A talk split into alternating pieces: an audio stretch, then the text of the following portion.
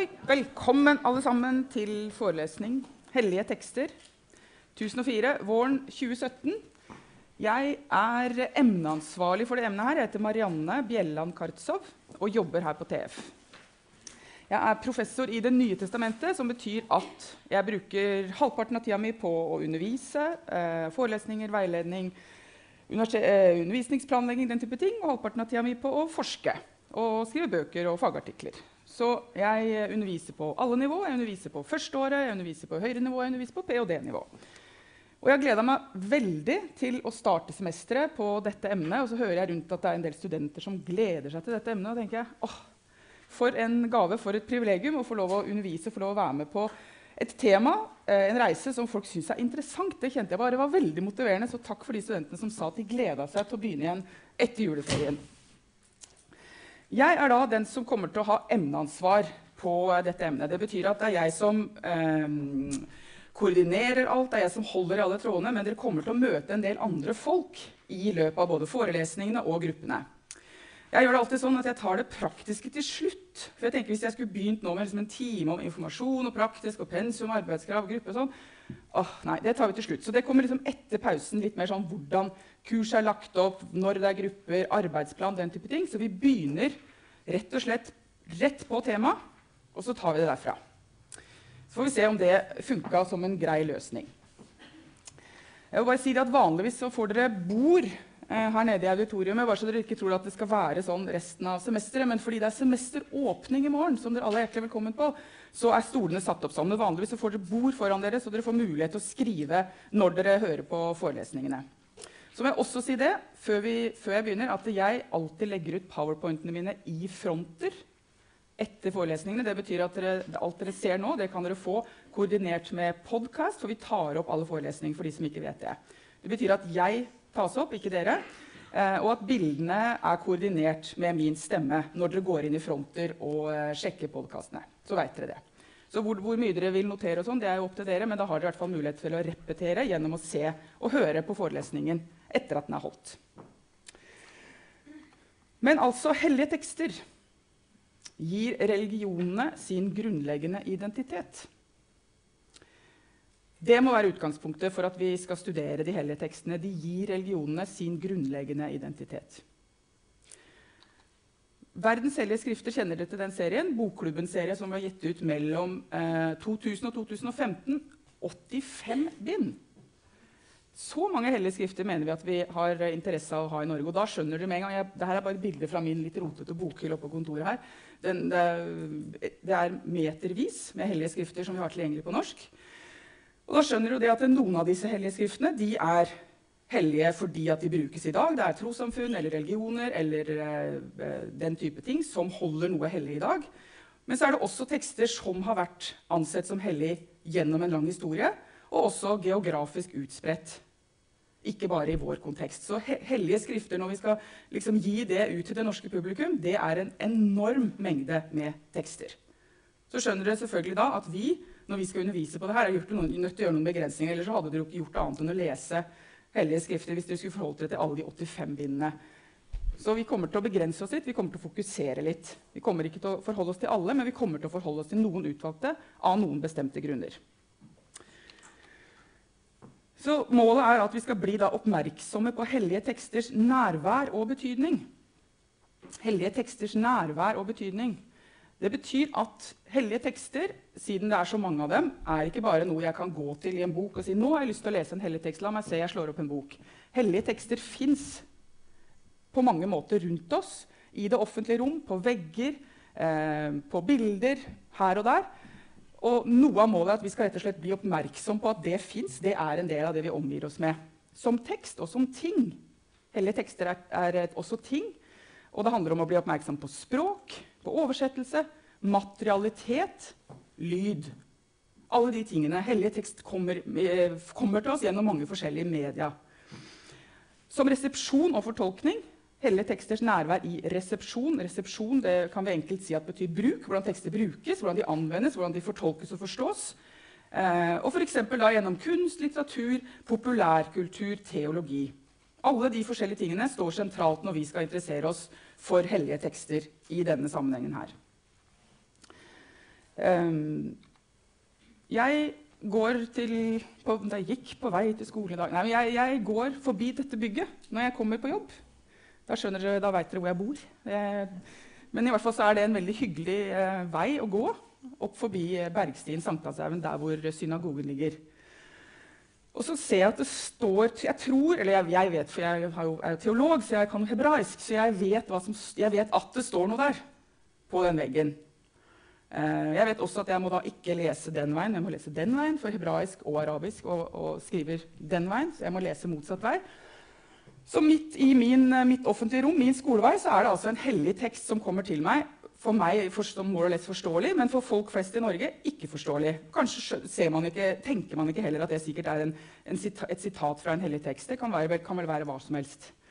Men dette sitatet er altså en, et, eh, en bitte liten tekstbit fra Jesaja-boken i det som de kristne kaller for Det gamle testamentet i den hebraiske bibel. Eh, for mitt hus skal kalles et bønnens hus for alle folk. Det, det bibelsitatet, det, det tekstsitatet, det fins der på, på Sankthanshaugen, midt i Oslo. Når vi går forbi det og tenker ja, ja, jo, der er det et eller annet, og det er et flott bygg, og det er sånn og sånn, men der står det en hellig tekst rett på veggen. Og her er vi inne i noe av det som dette kurset skal handle om. Vi skal lese tekster. Vi har ikke bare tenkt at studentene skal lese om tekster, skal lese om andres fortolkning av tekster. Vi vil også, og ganske mye av dette kurset handler om det, rett og slett at dere skal lese tekstene. Sette dere ned med de forskjellige teksttradisjonene og, og lese dem. Og prøve å ta inn mest mulig. Prøve å lese dem som tekst, men også være klar over at de kommer fra en annen, tekst, en annen kontekst, fra en annen historie, kommer fra et annet språk. Men, men, rett og slett bruke tid på det, lese tekstene, så ikke jeg kan komme og si ja, dere vet jo at det står i Jesaja. Så sier de nei, det, det står ikke det i Jesaja, for vi vet at det står i Jeremia. For eksempel. at man skal faktisk ha en, et, på dette nivået eg, et eget forhold til tekstene og hva som faktisk står der. Så kan vi diskutere hva som faktisk står der, men dere skal i hvert fall lese de tekstene sånn som de foreligger på norsk, for selv å få et, et, en eller annen føling med det. Så ikke vi, så ikke vi liksom forholder oss til hva alle andre har sagt, men at vi forholder oss til alle andre, hva alle andre har sagt, samtidig som vi, vi prøver å få eller sånn selvst, et eller annet selvstendig inntrykk av hva som står. Så er det selvfølgelig veldig kompleks, og det er mange forbehold, og sånn og sånn, men vi har hvert fall tenkt sånn at det å lese tekst selv skal være en viktig del når man jobber med hellige tekster. At man har kildetekster. forholder seg til det. Akkurat som man hadde dere gått på nordisk eller litteraturvitenskap, så hadde man bare forventa at dere leste Ibsen og Garborg og Kielland. Da hadde det bare vært helt åpenbart. Dere skal lese det selv, og så skal vi jobbe med fortolkninger. Litt sånn tenker vi her også. Det er viktig at studentene selv setter seg ned og leser. Bruker tid på det. Leser langsomt. Forholder seg til ordene. Prøver å på et eller annet vis forstå hva som står i tekstene. Og mye av det er sånn at vi tenker Oi, dette forstår jeg bra. Mye av det er sånn Dette forstår jeg ingenting av. Dette er veldig fremmed. Både ordene er fremmed, tingene er fremmed, bildene er fremmed. Hmm, da må, vi, da må vi tenke hvordan skal vi da forholde oss til tekster som både er, virker veldig forståelige og virker litt fremmede og litt uforståelige. For så kan vi da I den teksten her som dere ser i svart i, i vers 7, det er det som står på, på synagogen. Den, eh, den, eh, det sitatet der. For mitt hus skal kalles et bønnens hus for alle folk.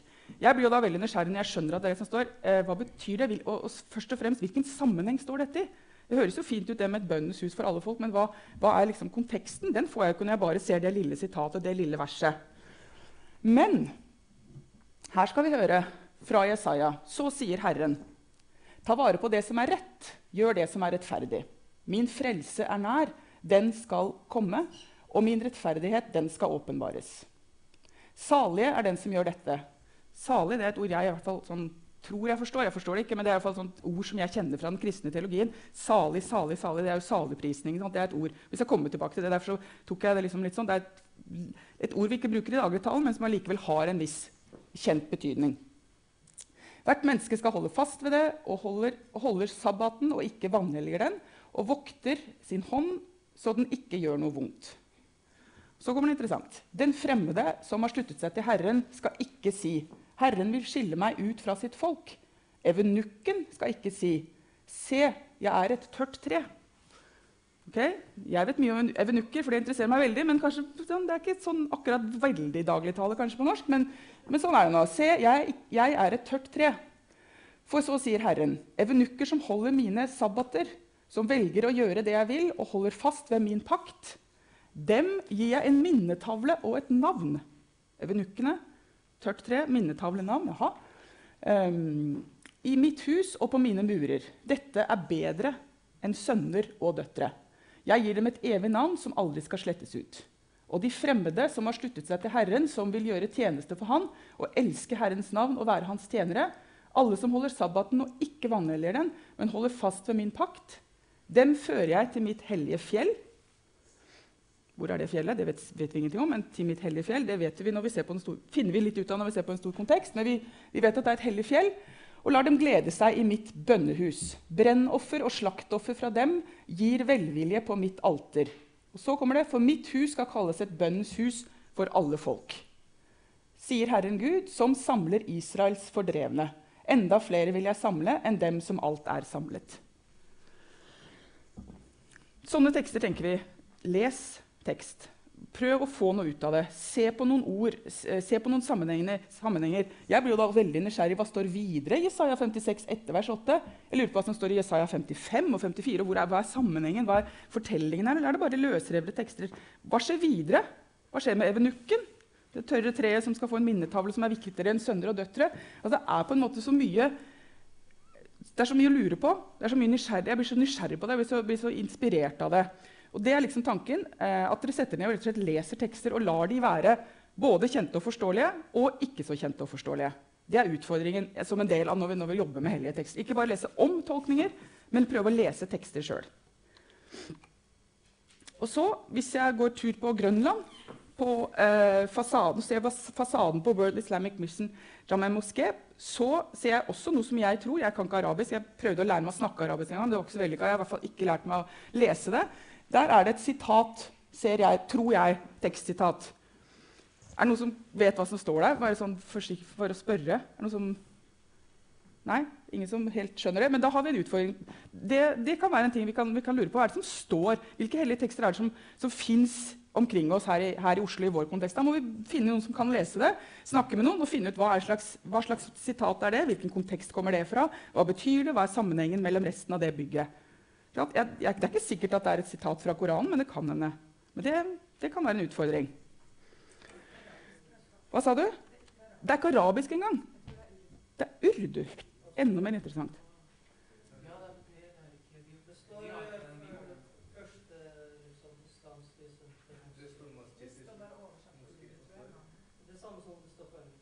Og det er tittelen! Ja, interessant. Ser man det? Så det er rett og slett det samme som står på ah, Det er navnet på moskeen. På urdu. Så, sånn kan det gå. Jeg trodde at dette var et Se, der ser dere. Hellige tekster eller andre tekster. Jeg trodde til og med det var arabisk. Ja. ja. Ikke sant? Rundt den, på fasaden rundt. Ja. Type den, liksom? Nei? Den? Den? Sånn? Ja. Det er kalligrafi. Kult. For å avsløre det så er arbeidskrav 2 noe av dette. Hva står på sånne bygg, og hvorfor står sånne ting? Hva, hva er tanken med det? Hva er, hva er, konteksten for det? Hva betyr det? Hva tenkte de som lagde det? Det er, et, det er et av de arbeidskravene vi har lagt inn i det kurset. Et gruppeoppgave. rett og slett. Så dette kommer vi tilbake til. Og jeg er veldig glad for at jeg da tok feil. Jeg er alltid veldig glad for å ta, ta feil, for da lærer man, og da husker man at det ikke var arabisk, og at det ikke var et sitat fra en hellig tekst. Og så eh, Hellige tekster ehm, fins i mange sammenhenger, også i det som vi kaller for populærkultur eller mediekultur. Jeg synes denne, eh, Dette bildet synes jeg er veldig interessant. Det er en Aftenposten-reportasje om et gammelt hus. En, en, som har opp, en interiørdesigner som har pussa opp et gammelt hus. Gammel er visst nøkkelordet her. det er helt tydelig. For som en del av det som er liksom fint, da, estetisk fint eh, Mange bilder av liksom hvor, hvor, fint hun har det hjemme. Et av bildene ser sånn ut. Der ligger det altså en bibel, som dere ser, og så er bildeteksten 'gammel tid'. Jeg fant en gammel bibel og tenkte det kunne være fint at den kunne ligge her fremme. sier Camilla. Bibelen ligger oppå en gammel kiste i stuen. Eh, bare den understrekinga at noe er gammelt. altså er det, er det selve den, altså Dette er jo sikkert en gammel bibel sånn fra familien eller som har kjøpt på antikvariat, så det er en gammel tekst. Men eller en gammel bok, men at det også liksom er så gammelt, gammelt, gammelt. Det er ikke liksom en del av det som er viktig å ha fremme i dag. Liksom jeg, jeg, har en bibel eller jeg har en hellig bok i stuen for å markere min identitet. For det er en viktig tekst for meg. Det er ikke på det nivået. Det er en, det er en estetisk en ting. Materialiteten er det som blir viktig. Det er også veldig interessant at på mange måter så, så er, er, går det litt over hverandre. Det er ikke sagt at for denne Camilla er det ikke viktig hva som står i denne bibelen. det er ikke sikkert, Men akkurat i den interiørkonteksten, i den mediekonteksten, så er dette et objekt. Det er noe som skal ligge på en gammel kiste og være gammelt og vakkert. Eller kanskje er det en identitetsmarkør også. jeg vet ikke, Men i hvert fall er det interessant at de hellige tekstene fins som, som ting rundt omkring oss. Også på den måten. Og så har jeg da kjøpt en sånn snø til min datter på 11 år, som jeg syns var veldig fin. Men den, den, er jo veldig interessant. Det er altså rett og slett, du vet, en snø, det er sånn rister på, så snør det. Og så er det rett og slett nativity scene. ikke sant? Josef og Marie og lille Jesusbarnet. Som da selvfølgelig satt nesten uten klær, og så opplevde de at det snødde over dem. Neppe. Men det er jo på en måte er sånn, en måte å gjøre et bibelsk motiv litt kontekstuelt da, i en norsk sammenheng. Det snør over dem, og det er vakkert og fint og hvitt. liksom. Og så syns jeg særlig de bøkene under da, var veldig interessante. Altså, er det, hva er det for slags bøker? Hvorfor skal det ligge tre bøker under en sånn Betlehems eh, julescene, liksom?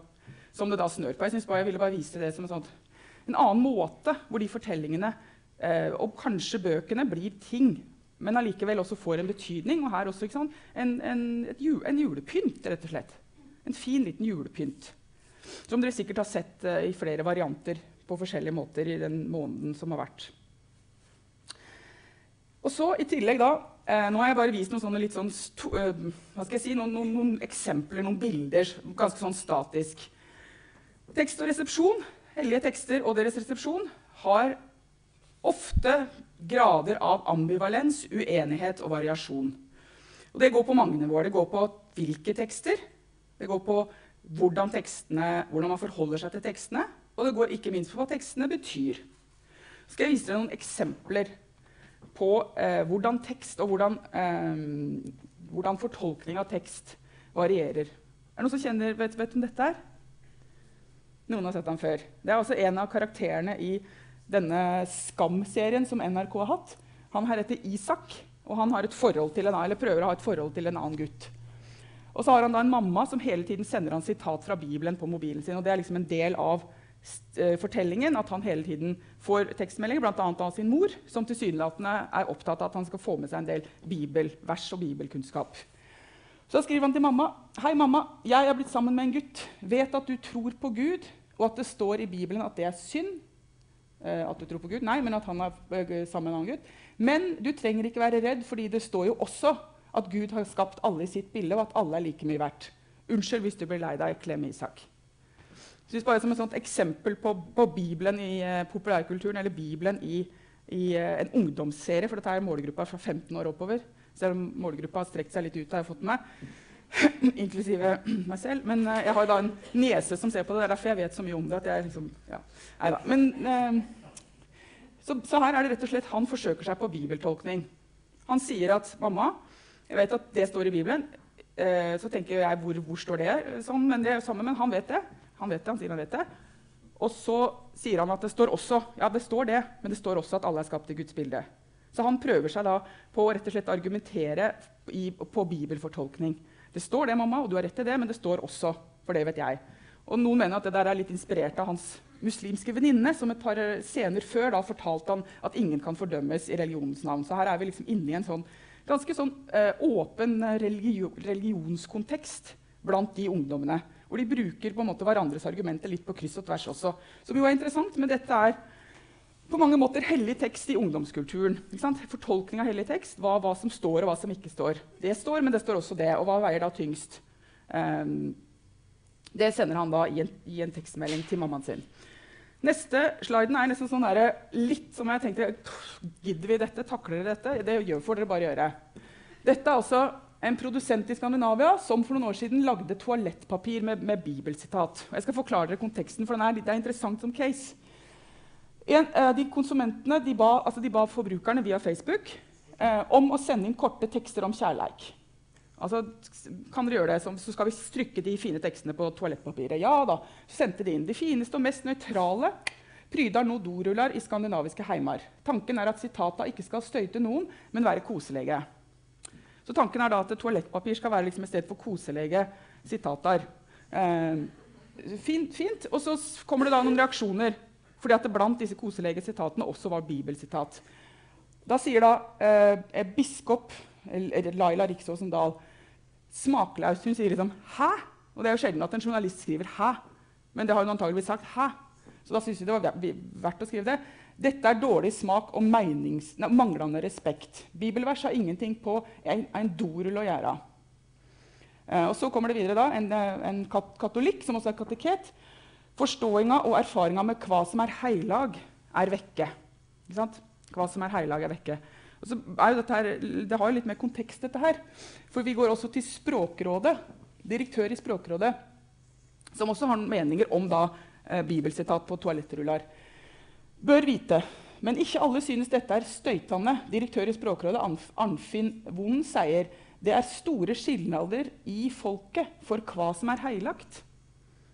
Det var interessant for oss som skal jobbe med heilage tekster. Store skilnader i folket. Det er stor forskjell på hva folk tolererer. Du vil få veldig ulike svar på om det er greit å nytte denne dorullen. Her går det på det om, den, om man skal faktisk bruke dorullen, ikke om det var bra å trykke det. Um, burde Lambi vite at dette er bibelsitat? Apropos, hvor mye bibelkunnskap har man? Dette er en skandinavisk toalettrullprodusent som ikke aner at det vakre sitatet de har fått inn, er fra Bibelen. Og det syns han er litt for dårlig. Da. Han er i Språkrådet. Han mener bibelkompetansen i eh, to toalettrullprodusentbransjen er for dårlig. Det er også interessant.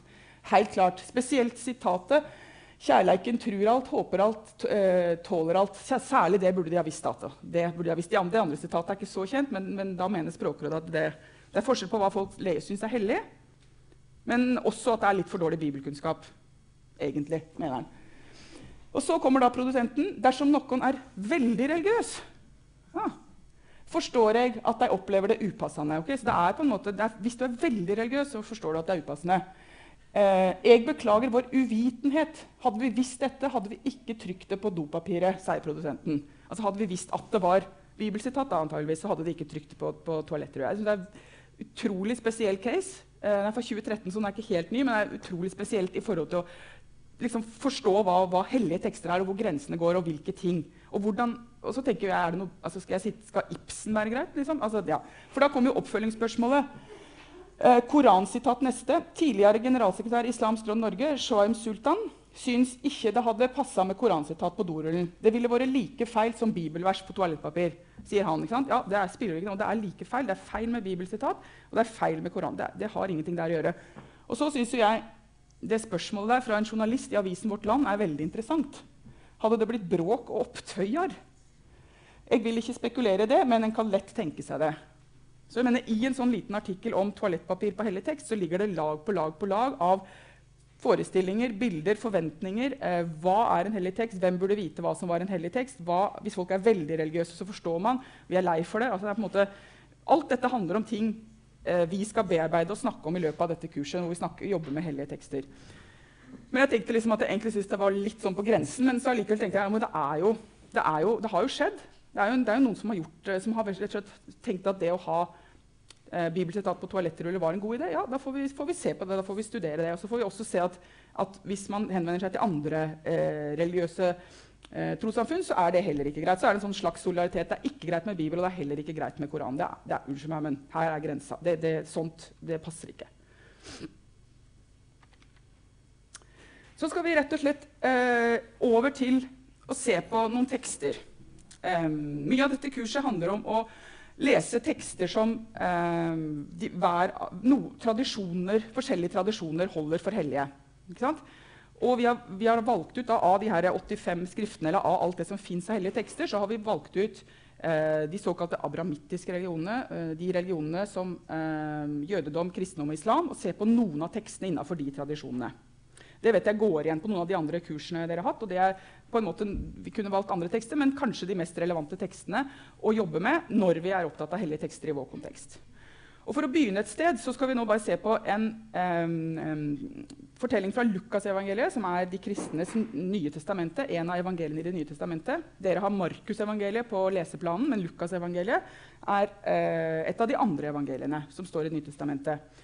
Og det Juleevangeliet og fortellingen om, om, Jesus og Maria, Jesu fødsel, Jesu unnfangelse, alt det fins i Lukasevangeliet. Og det som er interessant, det er at man eh, i, også i eh, andre tradisjoner, andre tekster, finner fortellinger om de samme hendelsene, men, men med andre eh, betoninger, med annet fokus, med andre detaljer. Og jeg synes særlig dette eksempelet, hvis Dere skal komme tilbake til, et senere kurs og lese de tekstene bedre. Men jeg synes særlig i fortellingen om Maria og, og, Jesu unnfangelse her, Lukasevangeliet, og Sure 19 er veldig interessant. Det er en del eh, Noen vil si at det en eh, at det er et ekko mellom de to tekstene. At det er samme karakter, at det er noe av de samme hendelsene. Noen vil snakke om intertekstualitet, som dere husker fra eh, videregående. Eh, KRLE-undervisning eller RLE eller hva dere hadde. Um, eller kanskje fra litteraturundervisning, hvor, hvor, tekstene på en eller annen måte drar på de samme fortellingene, men, men, gjør det på hver sin måte. Har sitt eget fokus, har sin egen måte å gjøre det på. Um, vi får et litt annet bilde, og et litt mer detaljert bilde av Maria faktisk i fortellingen fra Sure 19 enn det vi får i Lukasevangeliet. Og så uh, har jeg tatt med det bildet her. Jeg har vært i Istanbul og sett denne kirken hvor vi på uh, en av veggene altså Den kirken handler om å, å Det er to liksom, hovedpunkt. En er Jesu, fortellingen om Jesus, og det andre er fortellingen om Maria. Og Mange av de bildene vi ser om Maria her, de kjenner vi i hvert fall ikke igjen fra Det nye testamentet. De bildene må tydeligvis komme fra en eller annen fortelling. Det er bilder som, som forteller om Maria sin barndom, hvor Maria kom fra, hvem som var foreldrene hennes, hvordan hun ble gitt i gave til tempelet. Altså en hel, for, hel fortelling om Maria som vi i hvert fall ikke kjenner igjen fra Det nye testamentet. Så kan man lure hvorfor. Hvorfor har en kirke bygd i middelalderen eh, valgt å bruke kunst som ikke er fra de hellige tekstene? Vi kjenner ikke igjen. Det er ikke, det er ikke Det nye testamentet. De, tekst, de, de, bildene gjenspeiler ikke noe av det vi kjenner fra Det nye testamentet. Altså må de ha hatt andre forestillinger om hva som var hellige tekster i den konteksten der. Så både har vi en, en uh, fortelling som har eh, fins i Det nye testamentet, og som fins i Koranen, noe av det i Koranen. Og så fins det på en måte en tredje fortelling som gjør no, no, enda noe annet.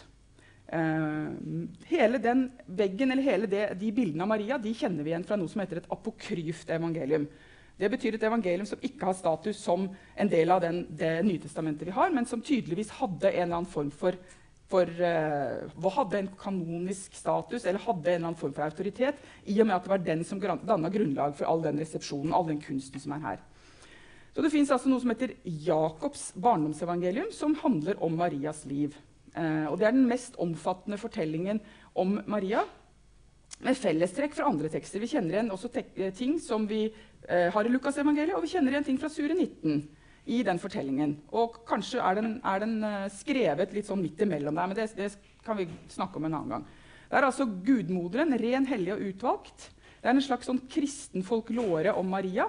Eh, som må ha vært kjent i eh, middelhavsområdet og må ha hatt stor, middelalderen og må ha hatt stor, stor utbredelse. Marias foreldre var barnløse, hører vi, og Maria er født på mirakuløst vis.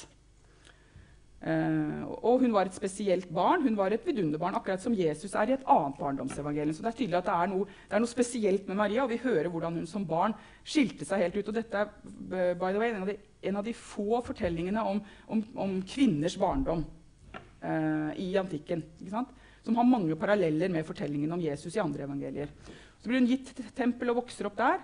Og så har, uh, så har de med bryllup med Josef. Altså, I den fortellingen er hun faktisk gift med Josef. Det er et ordentlig bryllup, det er et rituelt ordentlig akseptabelt bryllup. Hun er ikke en tvilsom kvinne, sånn som man kan få litt inntrykk av både i evangeliene og i, i Sure 19. Eller at det stilles spørsmålstegn ved det. Nei, nei, hun er ikke det. Jo, hun er det. At det er en liksom sånn kontrovers på det. Her er det ingen tvil. Hun er gift, og hun føder sitt barn.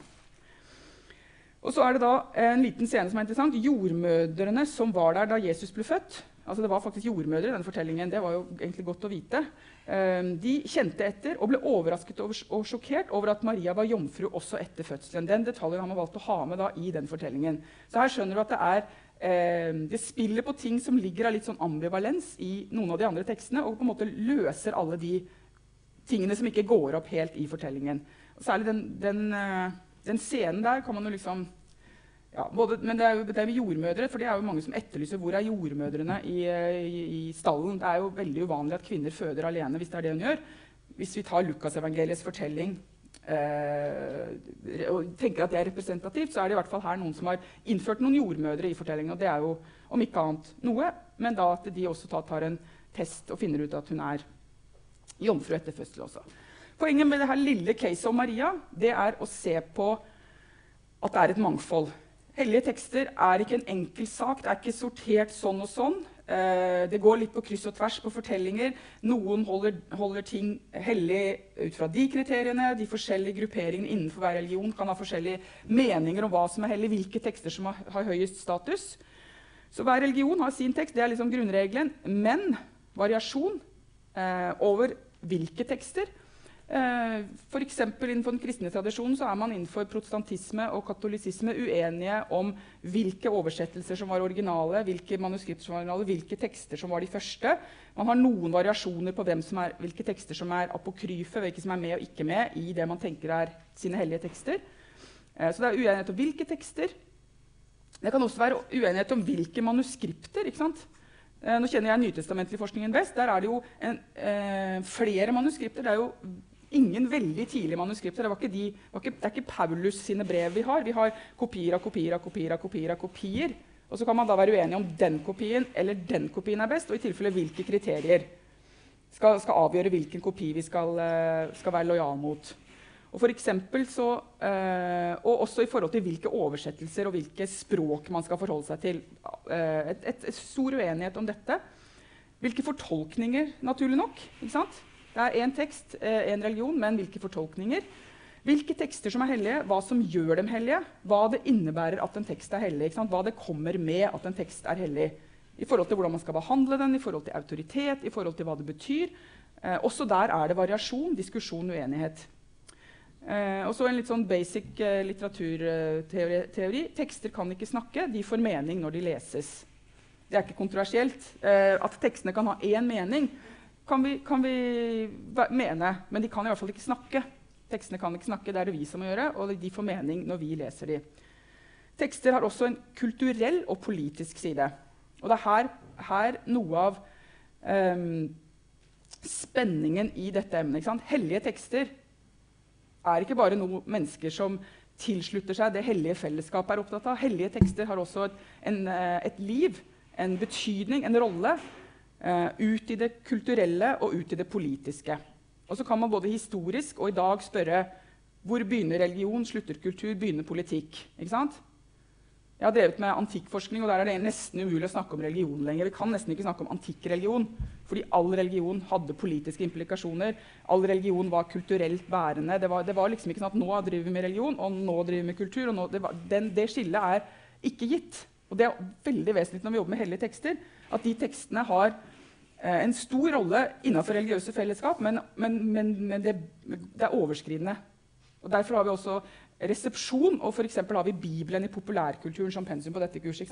Bibelen i populærkulturen handler om en hellig tekst som også har mange andre funksjoner og roller i et større bilde. Eh, og det er ikke alltid det er harmoni mellom religiøs fortolkning og annen resepsjon. Det hender at, at, noen føler det krenkende eller opprivende eh, at tekstene, de hellige tekstene får en annen funksjon utenfor det religiøse fellesskapet. Og selvfølgelig også innenfor det religiøse fellesskapet, at man kan være uenige om hvor grensene går. Um, men at det da kan være en, eh, en, et, en, et, spenn eller en uenighet eller en kontrovers. Uh, tekster på kryss og tvers mellom ulike religioner og tradisjoner F.eks. For fortellinger om Maria, som vi da finner innenfor flere fortellinger. Og vi skal også se på mye annet av det vi kaller felles fortellingsgods. Abrahamsfortellingene, fortellingen om, om uh, en del um, karakterer, hendelser som vi kjenner igjen i flere av de ulike hellige uh, tekstene og ulike tradisjonene vi skal se på. Så tekster på kryss og tvers. Ulike tekster Ulikt syn på hellig tekst, ulik bruk, ulik fortolkning. Bare for å si hva det mangfoldet som vi snakker om, handler om. Det handler om ulikhet på veldig, veldig mange nivå. Så, så det er ikke så enkelt som at da hver religion har, har, har, sin tekst, og så leser vi de tekstene innafor en religion. Vi har et mye mer interessant og mye mer komplekst bilde. Det er mye mer mangfold. Og vi skal på en eller annen måte prøve å navigere og holde alle de ballene i lufta mer, mer eller mindre sammen da, i dette kurset. Eller kanskje vi mister alle ballene på gulvet, og så skjønner ingen hva vi driver med. Men tanken er at vi, vi, må forholde oss til dette komplekse bildet. Skal vi ta hellige tekster på alvor? Skal vi ta historien til hellige tekster? Skal vi ta det aktuelle i forhold til hellige tekster på alvor? Så da å studere hellige tekster på universitetet ja, Nå er vi i denne settingen her på, eh, på universitetet hvor vi jobber med hellige tekster. Så det, snakker vi om en kritisk lesning. Eh, kanskje, kanskje altså kritisk eh, betyr mer enn at jeg er kritisk til deg. for jeg synes at du liksom sånn. Kritisk handler om en mer sånn drøftende, eh, flerfoldig, eh, inn og ut, kritisk. Det er, det, er, et mye mer dynamisk ord enn bare å være kritisk. Men kritisk lesning, en lesning som er villig, som vil, og som er villig og kapabel til å underlegge både tekstene og deres lesetradisjoner en kritisk, historisk og moralsk etterprøving. Dette er fra en av de uh, bøkene dere har på pensum, som Terje Stordalen har skrevet. Tekstene og deres lesetradisjon, og Man skal både være villig og kapabel. Villig det betyr at man ser det som interessant, og at man er kapabel, at man har noen redskaper, har noen, har noen hjelpemidler, har noen måter eh, å gjøre det på. Kritisk og historisk. Eh, kritisk, historisk og moralsk etterprøving. At tekstene kommer fra en kontekst de kommer fra en historisk kontekst, de kommer fra en, en kultur, de kommer fra et sted. Uh, og det må vi vite noe om, det må vi faktisk ha litt kunnskap om. Enten det er tiden, eller det var hvilke konflikter, eller hvor var det de reiste. Hvorfor reiste de dit? Hvordan så Mekka ut på den tiden? Hva skjedde i Jerusalem? Man har litt kunnskap, man kan sette det litt i kontekst. Um, og også moralsk etterprøving, som både handler om å respektere at tekstene er hellige tekster for noen. At vi har et, har et, har et etisk, moralsk syn på måten eh, vi omgås tekstene, men også at vi går inn og ser både på da, tekster og lesetradisjoner. Får dette noen moralske implikasjoner som vi må løfte frem? Så altså, det går på mange nivå.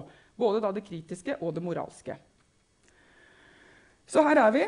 Hellige tekster. Dette er en liten figur på hva eh, dette emnet da handler om. Jeg er veldig innmari god på å lage sånne modeller. Jeg elsker sånne modeller. Jeg føler jeg blir så klar i hodet når jeg får satt opp de rundingene og de strekene. Så det håper jeg at det blir mye av utover. Her er det også hellig tekst i midten. Og så ser dere øverst kunnskap, ferdighet og holdninger. Det er rett og slett eh, Sånne mål fins på alle ting dere gjør på universitetet.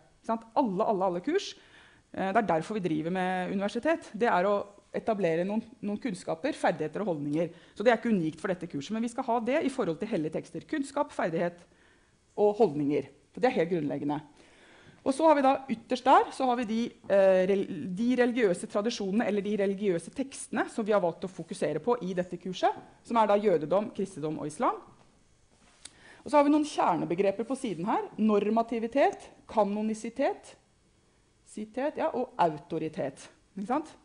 Hva, hva, betyr, hva, betyr, de ordene? Hvordan, hvordan, hvordan, forholder vi oss til tekster som normative, autoritative og kanoniske? Og så eh, Noe av da, eh, hovedfokuset på kurset er da å se på fenomenet og tekstene. Altså fenomenet hellig tekst. Hva mener vi når vi sier hellig tekst? Hva er det for slags konsept? Hva betyr hellig? Hva betyr tekst?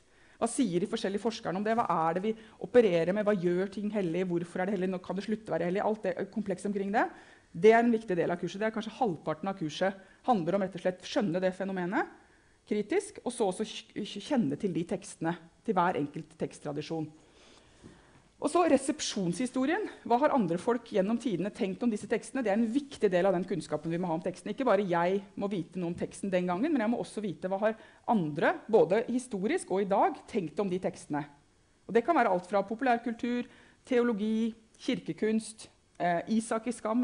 for å ta Det sånn. Det er lesetradisjoner. All, all, form for resepsjon, bruk av de tekstene, er også en viktig del av bildet når vi både skal forstå fenomenet og hver enkelt teksttradisjon. Og til slutt også da fokusere spesielt på felles fortellingsgods. Hver religion skal, lese, skal studeres, og hver tradisjon og tekst, øh, tekstbitene skal studeres for seg. Men også, vi skal også lete etter fins det noen fellestrekk. Er det noen fortellinger som er felles? Og hvis de er felles, er det helt like? Nei, det er de ikke. Men hva er da forskjellig? Hvorfor er de forskjellige? Hva gjør det med vår fortolkning? og sånn og sånn. Så det fellesperspektivet det blir også en, en viktig komponent. Så hvis dere liksom syns at dere får alt dette på den figuren her under huden, så er dere på en måte, der skal dere være 1. juni. for å si det sånn. Målet er 1. juni, da da er vi ferdige. Så gå tilbake og se på denne sliden når dere nærmer dere og tenk jo, men her, her, er vi, jeg har kontroll her. Jeg har kunnskaper, jeg har ferdigheter, jeg, har, jeg vet hva kanonisitet er, jeg skjønner alt, jeg kan alle hellige tekster, jeg har lest alt.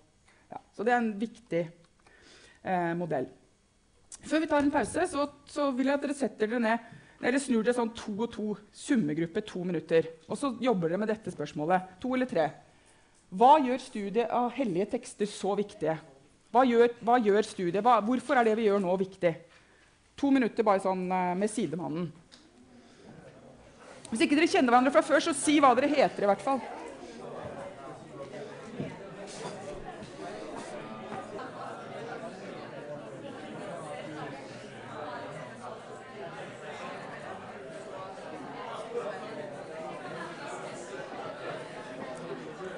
Dere, før vi tar en uh, liten uh, kaffepause uh, Jeg hørte at det var veldig mye interessant som ble sagt. Er det én gruppe som bare har lyst til å si noen punkt og dele med oss andre?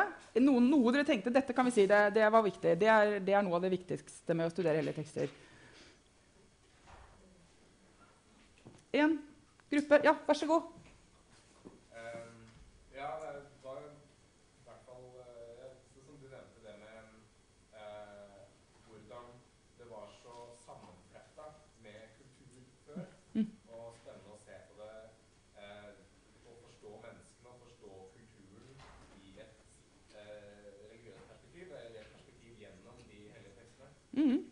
Veldig bra. Veldig bra. Supert. Supert poeng. Det, det er helt, faktisk helt i tråd med det jeg har tenkt å si. Så derfor er det veldig bra. Nei da.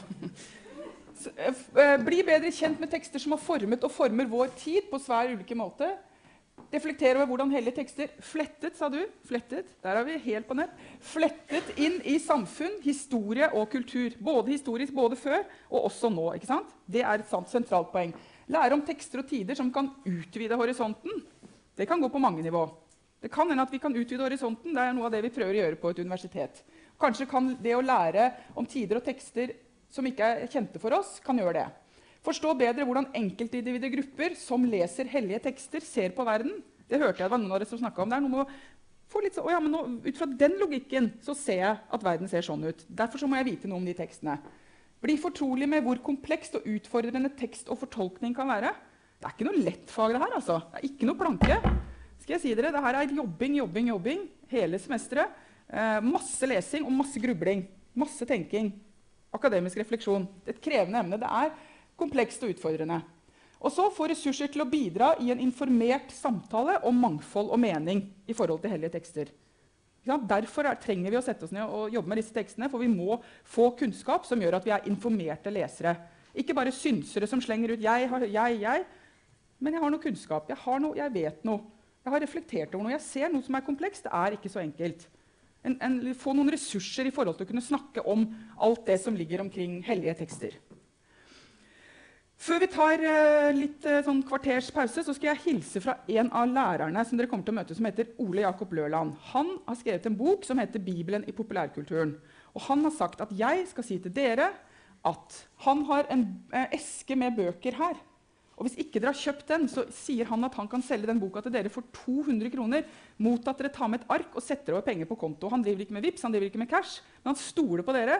Så bare ta med en bok, skriv navnet, så får dere kontonummeret, så setter dere over det. Eh, det er halv pris på den boka, og den er eh, flere hundre sider er av pensum, så det er egentlig en ganske god idé. Så ta med en bok, kjenn på samvittigheten, ta med et ark og betal 200 kroner i ettertid til Ole Jakob. Så da bare kan dere gjøre det i pausen. Da ligger den bare der. Jeg kommer ikke til å følge med på hva de gjør. Alle stoler på alle på universitetet. Så bare ta for dere. Så er det pause til kvart over fra nå.